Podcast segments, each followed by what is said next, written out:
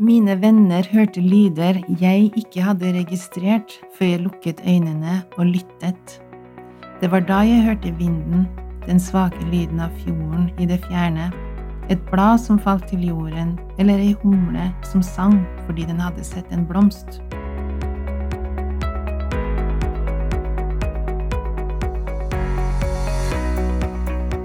Velkommen til et nytt program i Håpets kvinner fra Norea Mediemisjon. Så fint at du er med og lytter. I dag skal det nemlig handle om å bruke våre sanser. Om å lytte og å se og berøre. Mitt navn er Marit Veimo, og gjesten min er Odny Gumaer, som du hørte i innledningen. Hun er 55 år, mor til tre voksne barn hun er en verdensvant dame som har bodd i flere land og snakker flere språk. Men i sommer fikk hun øynene åpnet for en ny type språk. Men først går vi 25 år tilbake i tid. Odny og hennes mann var i Thailand, og der fikk de en skjellsettende opplevelse i møte med burmesiske flyktninger.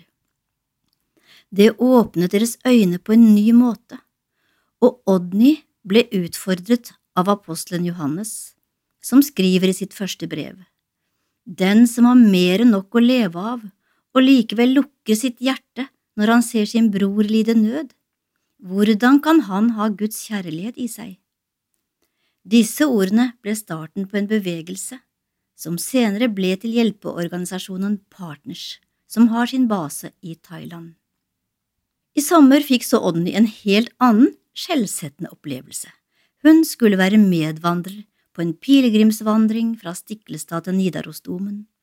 Det var ikke en vanlig vandring, for hun gikk i fellesskap med elleve blinde og svaksynte. Dette ble en ny øyeåpner for Odny. Ja, hun kjente faktisk på at det var hun som var blind. Nå skal vi møte Odny og få høre litt av hennes erfaringer fra den vandringa.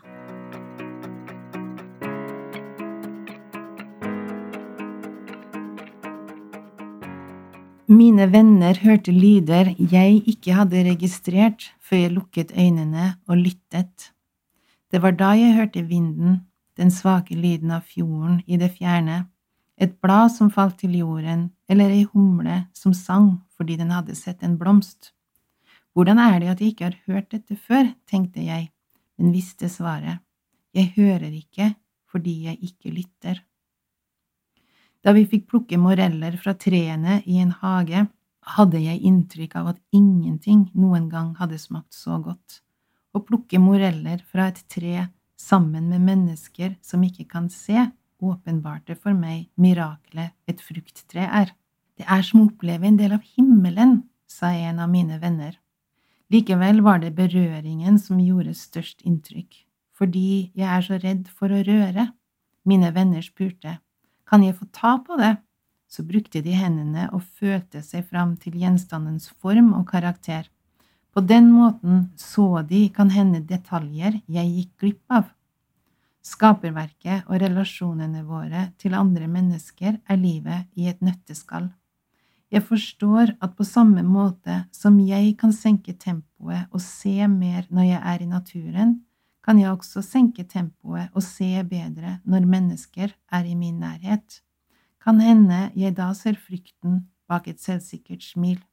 På samme måte som jeg kan lytte til de små lydene i naturen, kan jeg også bli bedre på å lytte til meningen bak ord som blir sagt.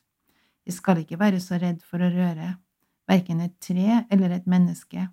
Jeg har vært blind, mine nye blinde venner har hjulpet meg til å se dimensjoner av livet som tidligere har vært skjult. Vi lærte oss å se sammen.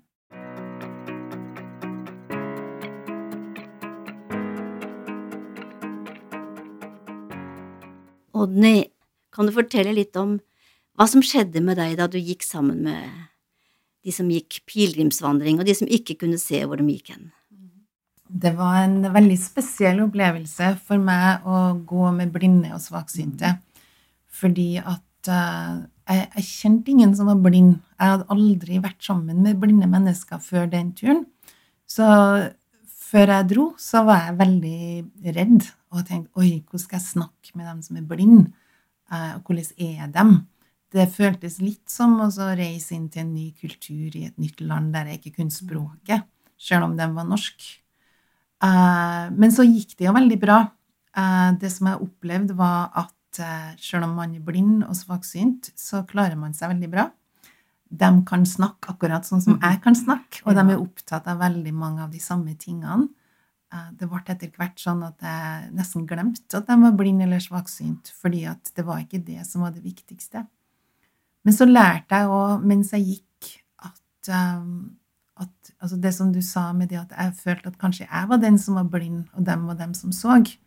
Og det tror jeg handla litt om det at jeg, Altså, det var jo det rent Eh, praktiske med det, det at dem eh, Når man ikke kan å se, når man ikke har, kan bruke øynene sine, så bruker man mye de andre sansene. Eh, og de kunne lenge før jeg visste, si at nå lukter de at vi nærmer oss havet, f.eks. Eller de kunne si at går vi forbi et hus nå, for jeg kjente at det var en skygge ved sida av oss. De kunne høre ting som jeg ikke hadde hørt.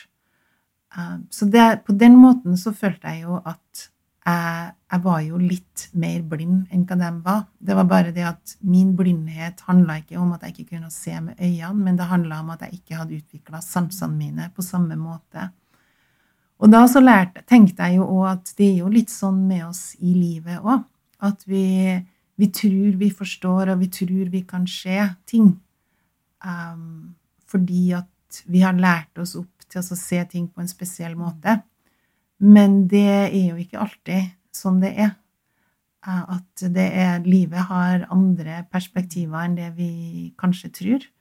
Og jeg tror det at um, det var én ting å jobbe med blinde, men jeg tenker jo noen ganger at eh, vi som bor i et, et samfunn, et mangfoldig samfunn med mennesker fra andre kulturer, andre bakgrunner, annen tro, annen måte å tenke på, andre politiske eh, oppfatninger òg, så er det så lett for oss at vi tror at vi forstår dem, når vi egentlig ikke gjør det. Vi har ikke brukt tid til å lære å kjenne, vi har ikke brukt tid til å spørre, vi har ikke brukt sansene våre til å forstå det mennesket som vi står sammen med.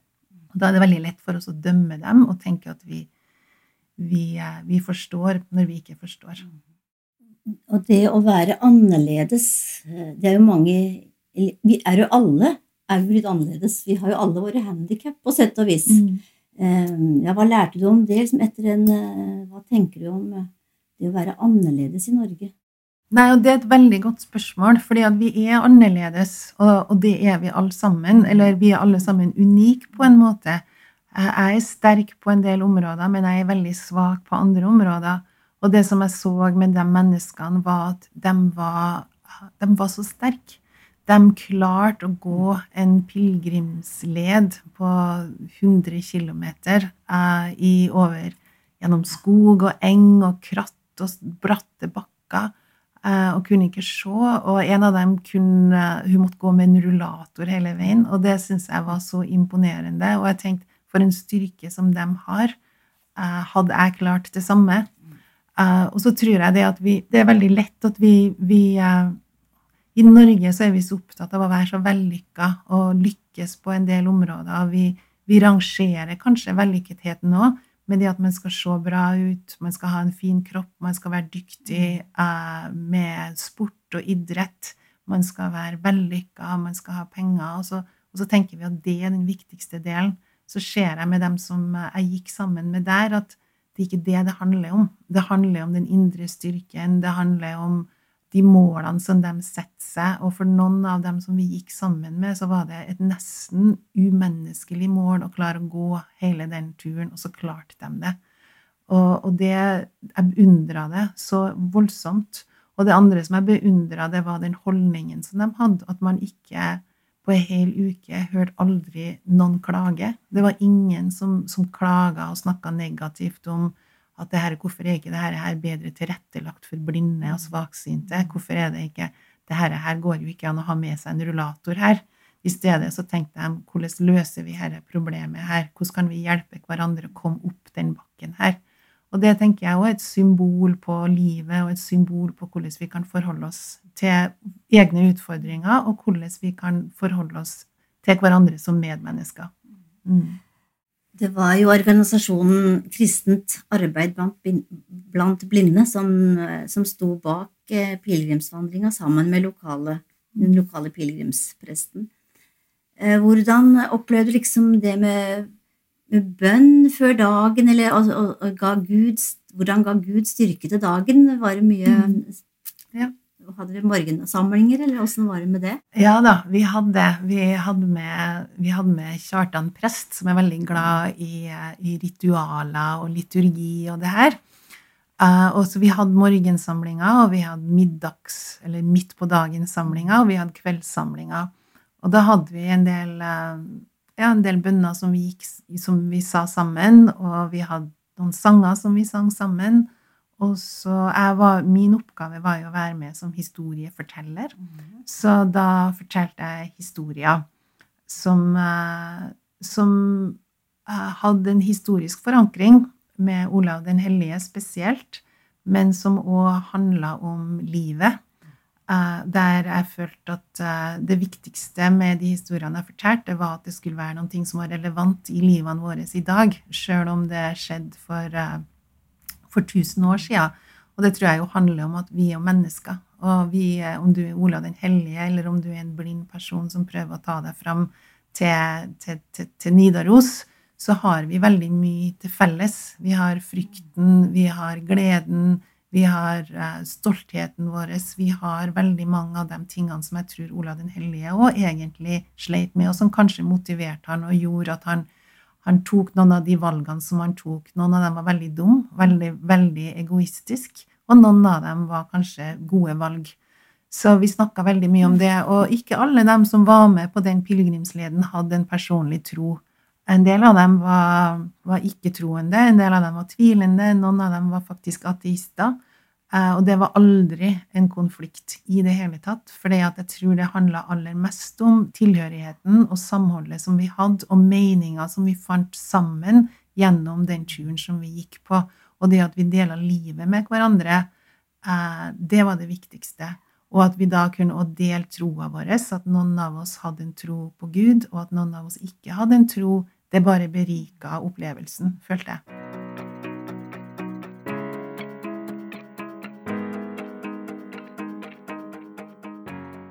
Hva betyr Jesus for meg? Jeg tror at Jesus for meg han er mitt store, store uh, forbilde, først av alt. Han er den personen som jeg tenker at jeg ønsker å bli lik. Og det er han jeg ønsker å representere i mitt eget liv. Det klarer jeg selvfølgelig ikke alltid, fordi at jeg er egoistisk, og jeg tenker på meg sjøl veldig mange ganger. Jeg tar valg som kanskje ikke er de beste valgene, men det han er målet mitt. Og, og hvis jeg ønsker å bli inspirert, så leser jeg om Jesus, eh, hans lære, hans sine, eller historiene om det som han gjorde for de menneskene som han var sammen med. Eh, og det er så det er veldig inspirerende for meg å lese om livet hans, fordi at han var så radikal, og han var så annerledes, og han gikk så imot det som var trenden, og det som var den vanlige tenkemåten på hans tid. Og så holder ordene hans. Det, det som han sa for 2000 år siden, det kan vi faktisk bruke eh, som leveregler i dag, i, i 2021. Og vi kan faktisk bygge livene våre på det, og vi kan drive politikk etter det. Vi kan ta valg, vi kan lede en nasjon, tenker jeg, med hans sine prinsipper. Det blir ikke gjort, men det er mulig, tror jeg. Eh, så han ønsker jeg å, ønsker å, å ha han som eksempel i livet mitt. Har du et bibelord som du er ekstra glad i, eller en spesiell fortelling? Jeg har jo en del bibelord som jeg er glad i. Um, det som har på en måte vært mitt uh, Min sånn leveregel er jo 1. Johannes 3, 17, der uh, Johannes spør, eller sier at uh, hvis at vi ser at en bror eller en søster ikke har noen ting å leve for, eller leve av, og vi har overflod, hvordan kan vi da si at vi har Guds kjærlighet i oss hvis vi ikke gir av vår overflod? Nå var det, det var min egen, min egen tolkning av det verset, men det handler om det at man, man kan ikke se mennesker i nød og ha noen ting sjøl, og ikke dele. For da kan vi ikke si at vi har Guds kjærlighet i oss. Nei, og det var jo litt av oppstarten på den organisasjonen Partners som du og din mann har ja, starta. Mm. Um, og var, litt, var litt det som var bakgrunnen for, for den organisasjonen, at du så nøden i, i Thailand eller i, i, Burma. Mm. Fortell litt om oppstarten av, av organisasjonen. Jeg var jo alltid opptatt av rettferdighet. Mm. Jeg husker at jeg allerede som fireåring, eh, hvis jeg så på nyhetene eller så i avisa om barn som var sulten, så var det veldig Da ble jeg veldig rørt av det, og veldig opp, opprørt. Og spurt mora mi om ikke det var noen ting vi kunne gjøre for dem. Så jeg har hele livet hatt en sånn lengsel mot å gjøre noen ting for mennesker som, som har det vondt. Uh, men når vi starta Partners, så bodde vi i Thailand, og jeg studerte thailandsk. Uh, det var utfordrende, og vi fikk et velkomment avbrekk med at vi ble invitert til å reise opp til en flyktningleir uh, for å møte noen flyktninger fra Burma, heter det da. Det heter Myanmar nå. Og den gangen på den turen så var jeg egentlig kanskje fjerna meg litt ifra den opprinnelige rettferdighetstrangen. Eh, og var mer opptatt av andre verdier, og, og, veldig opptatt av å lære meg å pugge thailandske verb. så, men så ble vi da møtt av de her flyktningene, og det berørte oss sterkt. Fordi at vi var kristne på den tida òg, men vi var de her kristne folkene som trodde at det handla mest om teologi, om regler og om teorier. Mm. Og så møtte vi de her menneskene som hadde opplevd så mye vondt, og som hadde det veldig fælt, og som var veldig fattige, og som ikke hadde eh, mat å gi til ungene sine. Men likevel så tok de imot oss med åpne armer og deler med det som de, av det de hadde. Og det som jeg følte veldig sterkt på det første, aller første møtet, det var hva er mitt ansvar her? Hvordan kan jeg kalle meg en kristen og eh, ikke engasjere meg praktisk i den nøden som jeg ser. Det går ikke an for meg å si til dem at jeg skal dra hjem og be om at dere skal få mat i morgen. Jeg var nødt til å være bønnesvaret deres, og jeg var nødt til å gi av min overflod til dem. Og hvis ikke jeg hadde overflod, så var jeg nødt til å tenke hva kan jeg gjøre for å bidra praktisk for å, å redde de her livene her. Så det var det som starta Partners. Det var ikke en tanke om at vi skal bygge en stor organisasjon. Det var heller en personlig utfordring. Hva, hva gjør du med den nøden du blir konfrontert med? Hva har du som du kan gi? Og kanskje er det ikke veldig mye. Vi hadde jo ikke noe veldig mye penger, vi. Vi var ganske fattige, egentlig. Uh, men vi hadde mer enn hva de hadde. Vi hadde mer materielt, men vi hadde òg en stemme som de ikke hadde. Vi kunne være deres stemme ute i verden, og vi kunne formidle til verden hva som skjedde med de etniske minoritetene i Myanmar. Og det gjorde vi. Og vi starta med det, og så ble jo det en slags bevegelse etter hvert. Du lytter nå til programmet Håpets kvinner fra Norea Mediemisjonen og dagens gjest var Odny Gumaier. Håpets kvinner det er en verdensvid bevegelse, og det blir laget bønnekalendere og program som når ut til mennesker i over 120 land. Mange vitnesbyrd kommer fra kvinner som forteller at de har fått øynene åpnet og livet sitt forandra etter at de har begynt å høre på Håpets kvinner. Og her skal du få et vitnesbyrd fra en av dem. Det er Elisabeth Lillebøseth som leser.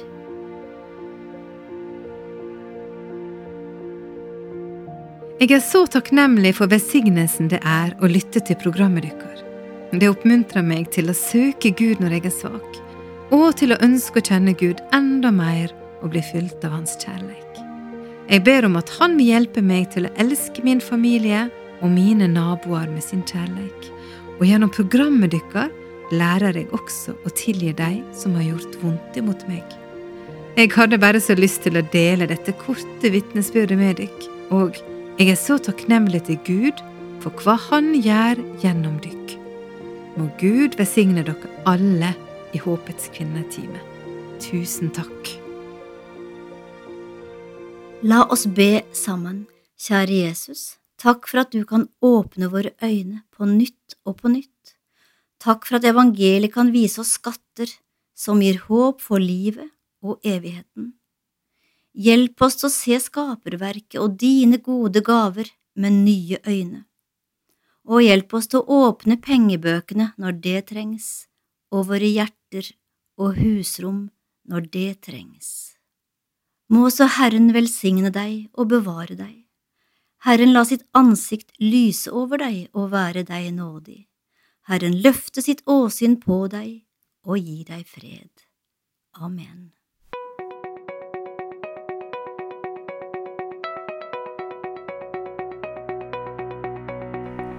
Du har lytta til programmet Håpets kvinne fra Norea Mediemisjon. Ønsker du informasjon om vårt arbeid, gå inn på norea.no. Der finner du også podkasten vår og informasjon om hvordan du kan være med og be for verdens kvinner.